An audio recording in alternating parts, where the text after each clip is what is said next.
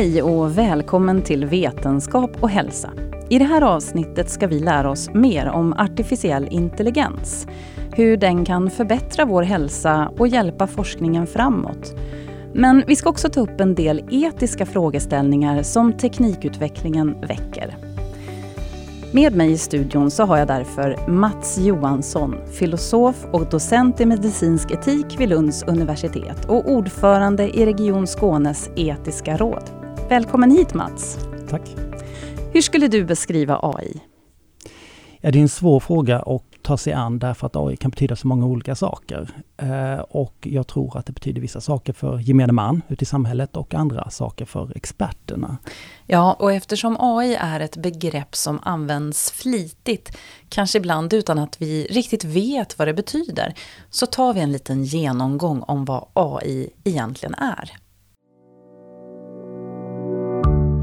Artificiell betyder konstgjord och intelligens brukar definieras som den mentala förmågan att planera, lösa problem, dra slutsatser och vara självlärande. Och artificiell intelligens kan då definieras som en dator eller maskin som efterliknar dessa mänskliga förmågor. Exempel på områden där AI används idag är i första hand bildanalys för att ställa diagnoser, men även taligenkänning. Det finns olika nivåer av AI. Snäv AI är specialiserad på att lösa en specifik uppgift inom ett snävt och avgränsat område. Den kan inte överföra sina färdigheter till att lösa andra uppgifter. Och all AI som används idag hör till den här kategorin. I framtiden så tänker man sig att det kommer komma generell AI som har mer likheter med vår mänskliga intelligens. Då kan systemet ta det den lärt sig inom ett område och applicera det på ett annat. Men det finns inte idag. Sen tänker man sig också artificiell superintelligens, en AI som överträffar mänskliga förmågor på nästan allt. Och inte heller den finns idag. Men bättre matchning vid organdonationer, snabb och träffsäker tolkning av röntgenbilder, appar med vars hjälp man kan ladda upp bilder på sina födelsemärken och låta AI-system bedöma om det är cancer. Ja, allt det här är exempel på hur AI redan påverkar våra liv och människors hälsa. Mats, vad tror du att AI kommer göra störst nytta om vi tänker ur ett hälsoperspektiv? Det där är en jättesvår fråga att svara på därför att det beror väldigt mycket på om vi talar på kort sikt eller lång sikt. Eh, jag hör väl till dem som är teknikoptimister i den meningen att jag tror att den här tekniken kommer kunna assistera oss i många olika typer av beslut eh, på sikt. Eh, idag handlar det väl precis som du har sagt om eh, diagnostik och liknande beslutsstöd. Men som sagt, jag tror att i framtiden kan vi se AI inom i snart sagt alla områden. Maskinerna har ju lärt sig en del uppgifter som de också lyckas utföra bättre än oss människor. Och med fördelen att de inte tröttnar, vilket ju vi kan göra. En del ser ju stora möjligheter medan andra ser risker med det här. Och oavsett vad man tycker så medför AI en del etiska problem som vi behöver fundera kring. Eller hur? Ja, men det stämmer. Eh, och jag skulle nog vilja eh, backa till frågan var bör vi satsa på AI idag? Därför att här finns det ju en risk att man Eh, satsa stora eh, resurser på eh, tillämpningar som idag är möjliga men som kanske egentligen inte täcker de största behoven i sjukvården. Och det skulle leda på kort sikt till en undanträngning av, av annat som är viktigt. Och en stor del av detta kanske sker också i mer eller mindre i blindo. Vi vet inte riktigt vilka effekter det här kommer få på, på en viss verksamhet. Och det ligger ju i, i forskningens natur förstås. Men, men där finns det vissa etiska frågor man bör ställa sig. Kan du ge ett exempel på det? Nej, men jag tänker på områden som, om, om vi börjar med vad som kan trängas undan, så kan ju det vara områden som idag vi är långt från att lösa med, med hjälp av artificiell intelligens. Det kan handla om kanske palliativ vård, det kan handla om vård av äldre, en typ av stöd som vi idag inte kan eh, låta ett AI eller en robot då, eh, ta hand om. Att det är liksom ingen, ingen eh, fråga man då kanske satsar på tillräckligt mycket. Du Mats, vi nämnde inledningsvis generell AI och superintelligent AI som inte finns. Och det är ju sånt som man kan se på filmer när AI och robotar blir ett hot mot människan och tar över världen och, och kanske färgar lite grann hur en del tänker kring AI.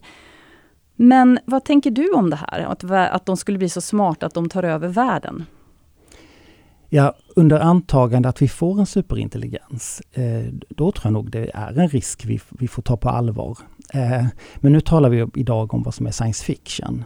Men, men under de antaganden att vi har eh, ett intelligent system som överträffar oss i alla avseenden, ja då blir ju det systemets målsättning oerhört viktig för oss att kontrollera. Eh, därför att vi, den kan lura oss hur mycket som helst och eh, göra allting mycket bättre än oss. Mm. Men som sagt var, det är idag eh, ren science fiction. Ja, och man kan ju fråga sig varför man skulle designa ett sådant system också. Jag tror inte att man kanske vill göra det, men jag tror att det kan vara svårt att kontrollera eh, vad som ett sådant system eh, väljer att göra och hur det här målet vi, vi eh, programmerar den eller, eller sätter den att göra tolkas i enskilda situationer. Jag tror det är oerhört komplext att göra, så att avsikten kan vara god, men det kan leda käpprätt åt. Mm. Ja. Men här är det ju också en fråga om den data som AI tränas upp med. Alltså den måste ju tränas på någonting och där finns det också en del etiska utmaningar. Ja men det gör det och då kanske du tänker mer på just när vi tänker oss att den ska göra en specifik eh, grej åt oss. Så det kan ju vara att om vi tränar data med... Träningen blir ju inte bättre än vad data eh, är, kvaliteten på data och så. Och man har ju sett att eh, eh viss uppträning kan leda fram till ett AI som exempelvis är rasistiskt om det matas med eh, rasistiska övertygelser eller beskrivningar. Så eh, data är A och O och det här gäller ju också förstås inom alla andra områden som diagnostik. Vi behöver bra data för att lära upp de här eh, eh, systemen för att göra rätt bedömningar. Vi pratar ju om det här med bra data nu, men vad, vad innebär det? Vad är bra data? Men bra data är ju data som hjälper systemet att lära sig att, att utföra uppgiften på, på ett bra sätt. Och där finns det ju många risker. Eh, en kan ju vara att man har tränat data på eh, korrupt data eller data som inte förts in på ett bra sätt. Det kan till exempel vara om vi tar ett patientregister. Så kanske det är eh, människor som fyller i vissa uppgifter eh, sist på dagen som går in på, i det här registret som gör att det finns felaktigheter i datasättet. Och det, och det, kan leda till vissa problem. Ett annat är att man bara tar hänsyn till vissa delar av data, exempelvis bara till data som kommer från män eller eh, inga från barn eller, eller andra som gör data begränsad i, i det sättet som inte gör att den löser uppgiften korrekt. Mm. Det blir liksom inte representativ? Nej, det kan vara en av, en av sakerna att det inte blir representativt. Men, men huvudproblemet är om data inte liksom lär eh, AI att göra eh, rätt.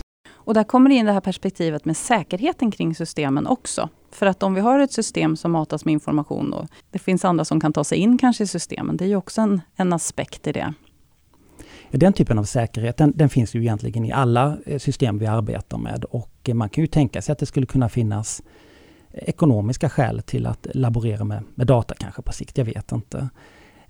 Men det är också vissa områden där vi inte har tillgång på bra data. Om man tittar på riktigt stora landvinningar, eller några stora landvinningar, så är det ju till exempel i spel där AI idag överträffar människan eh, med råge inom Go till exempel, eller Starcraft 2, eller schack, var ju länge sedan man passerade då. Och det är ju, det är ju eh, system som har perfekta regler, där vi kan träna upp datorn mot sig själv i ja, otrolig hastighet så att säga.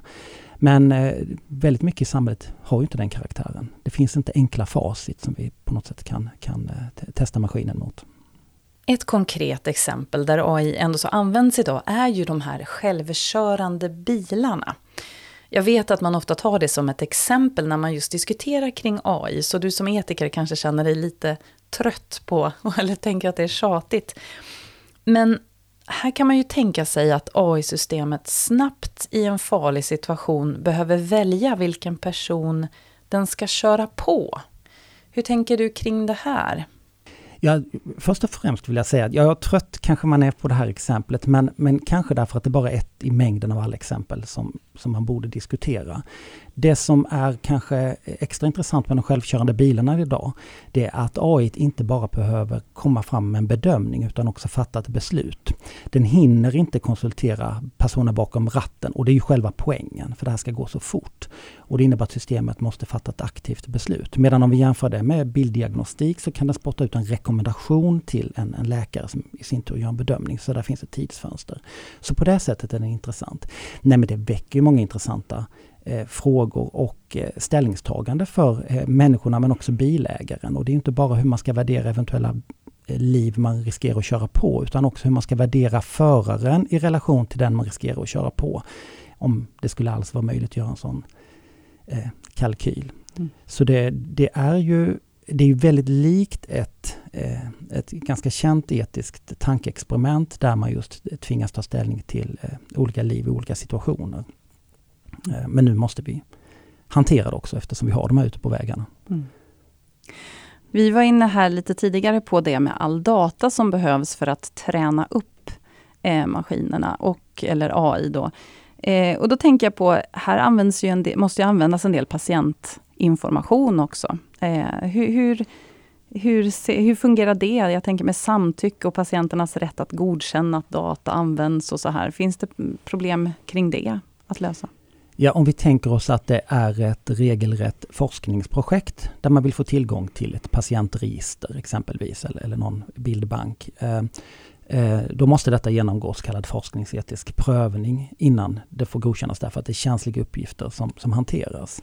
Ett problem i sammanhanget är ju att även om huvudregeln är att man ska inhämta samtycke från alla de som uppgifterna handlar om, så kanske det är praktiskt omöjligt om det handlar om tiotusentals patienters uppgifter. Och då finns det en möjlighet att sådana här projekt kan bli godkända ändå. Men om det är forskning så ska man åtminstone ha en extern grupp, en myndighet, särskild myndighet som tittar på detta. Så, så i det avseendet finns det en, en kontroll av vad som sker. Eh, det här att en AI-lösning gör något bättre än en människa, det är egentligen inte tillräckligt för att man ska plocka in den i vården. Det beror ju lite på vad man menar med att den gör det bättre än oss. Eh, därför att om detta sker till en väldigt stor kostnad, då måste man, för, för det är inte säkert att den, den, kan, den kan prestera bättre än oss, men säg att vi köper in ett system från ett företag som tar hutlöst betalt. Men det den kan göra är att förbättra livskvaliteten på marginalen för någon grupp. Då kanske det inte är värt pengarna även om det den gör är bättre än människan. Och det är också eh, en sån här risk med, med undanträngning, för då är risken att de pengarna går dit istället för ett annat område. Ehm, eh, med, där patienten har ett större vårdbehov. Men hur ska man tänka då? Vilka system har potential att göra stor nytta och vilka kostar mer än de smakar? När man sitter och ska ta, fatta sådana beslut.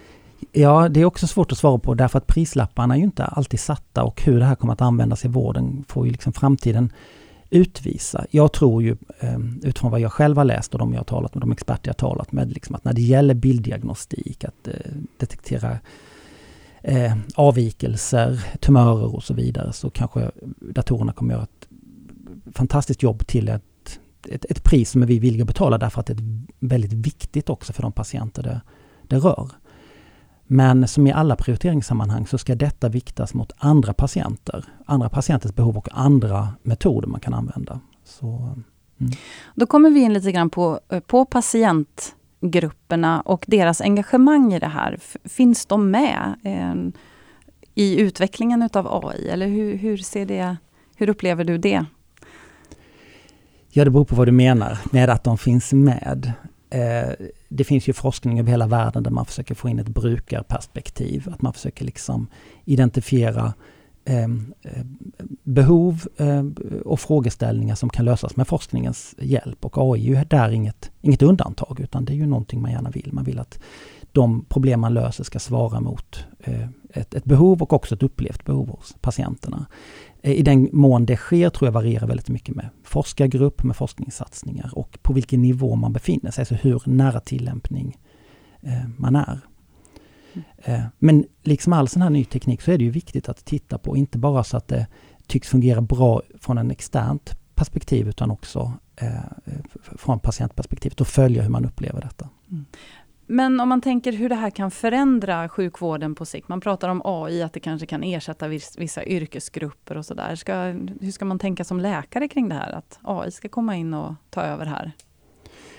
Ja men det tror jag nog att AI delvis kommer att göra eh, när det gäller vissa arbetsuppgifter till att börja med och på sikt kanske fler och fler arbetsuppgifter. Och det gäller ju läkare och det gäller eh, många andra yrkeskategorier i, i samhället. Alla sammanhang där ett AI kan göra en bättre bedömning och lösa ett problem bättre än de människor, den delen av yrkena är ju är hotade. Det är ju förenligt med att vi får nya roller för, för vårdpersonal och, och eh, exempelvis då läkare. Idag är det ju så här att allvarligt sjuka patienter har rätt till ny medicinsk bedömning. Eh, det som tidigare kallades för second opinion. Och Det innebär att patienten ska kunna känna sig trygg med att få den vård som verkligen passar bäst i situationen. Men eh, ponera att alla använder samma AI-system. Hur ska man se på det här? Vem ska ge en second opinion?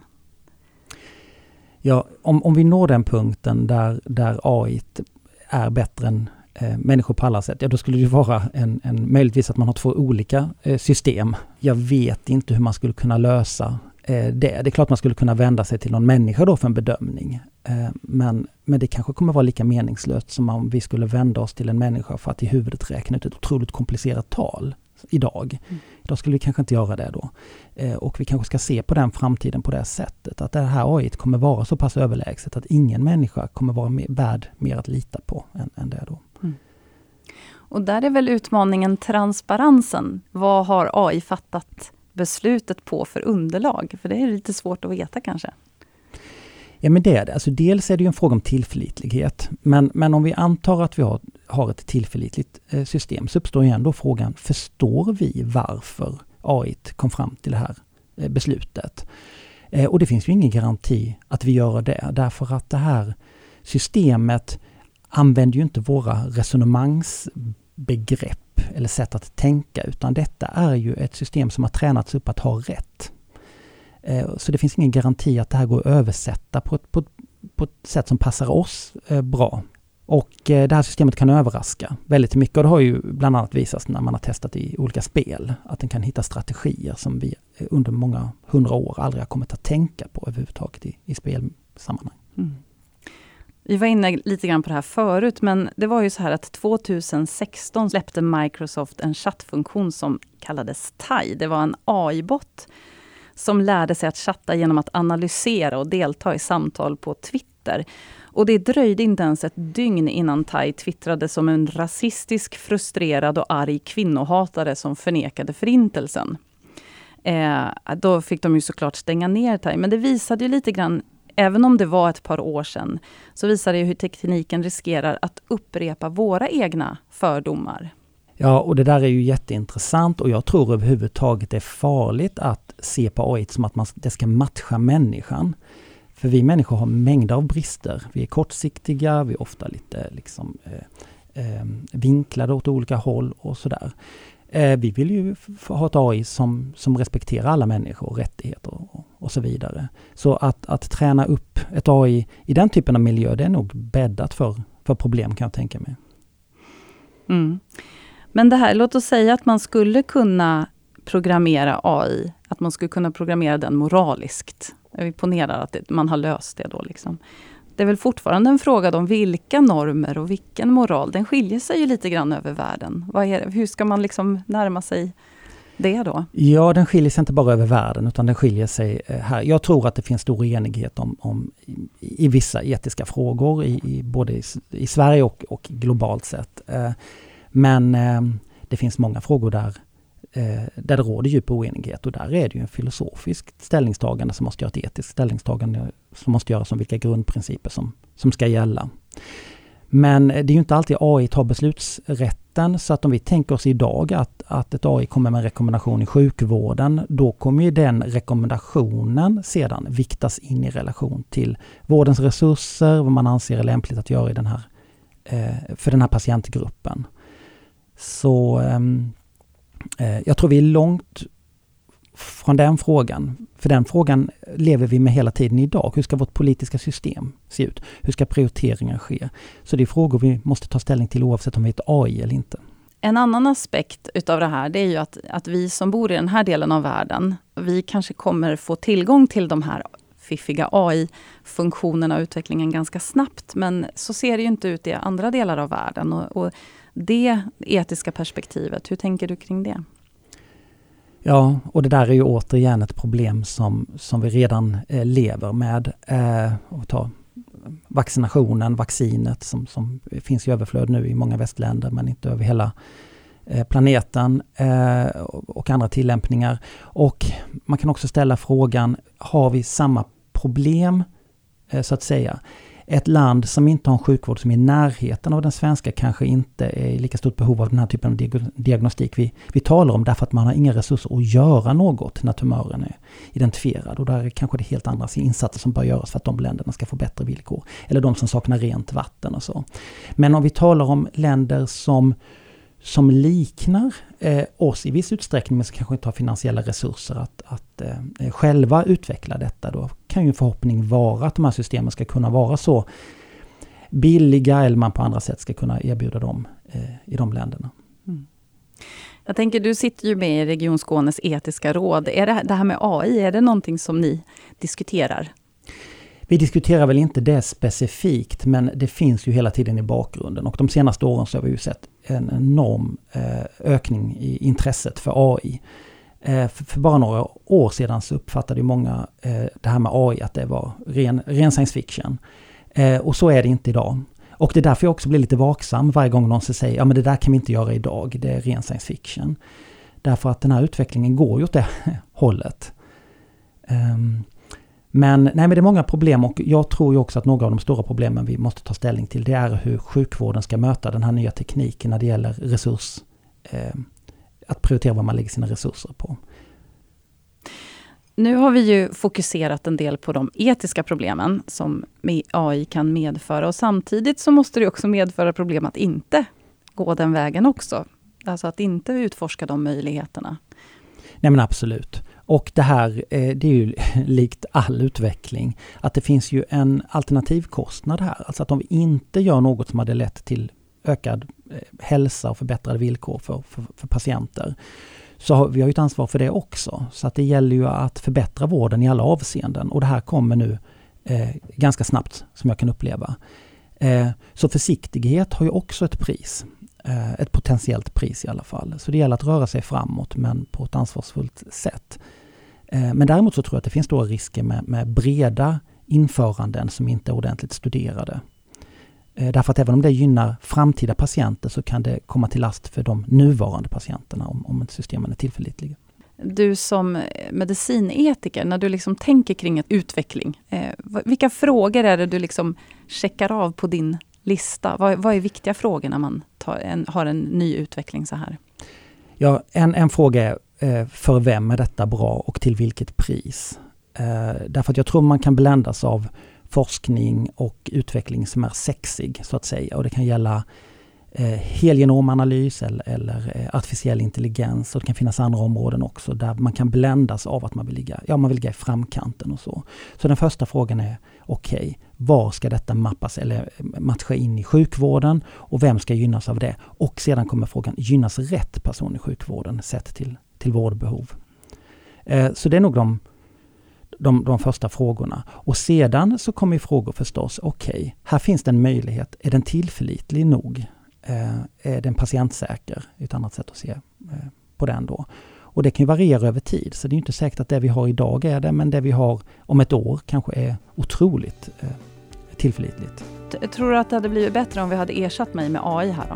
Det hade blivit ett mer intressant program förmodligen. Nej men i framtiden borde man ersätta oss båda med AI. I den här avlägsna framtiden om vi har en superintelligens. För det följer per definition att de är bättre på oss på allt. Och det är då vi kommer hinna läsa alla de där böckerna som inte vi hinner läsa nu. Ja, om vi nu utvecklar det här goda, ja. superintelligensen, ja. snarare än den onda. För då vet man aldrig vad som händer. Eller onda, den, ja. den Ja. Det får bli ett medskick till forskarkåren då. Ja. Då vill jag tacka dig Mats Johansson för att du kom hit och poddade med oss. Tack. Och mer information om forskning som rör din hälsa kan du alltid hitta på vår hemsida vetenskaphalsa.se. Jag vill passa på att tipsa alla lyssnare om att Forskningens dag 2021 handlar om just det här ämnet. Temat är Hype eller hjälp? Vad kan AI göra för vår hälsa? Forskningens dag äger rum den 9 november i Malmö och den 10 november i Lund. Ta en titt på vår hemsida vetenskaphalsa.se där det finns mer information om detta. Och lyssnar du på programmet efter det att Forskningens dag ägt rum så ska du inte bli ledsen för då finns det möjlighet att ta del av föreläsningarna som spelas in och som också kommer läggas ut på vår hemsida. Och på vår hemsida finns det också en hel tidning med olika artiklar som handlar om AI och forskning kring AI.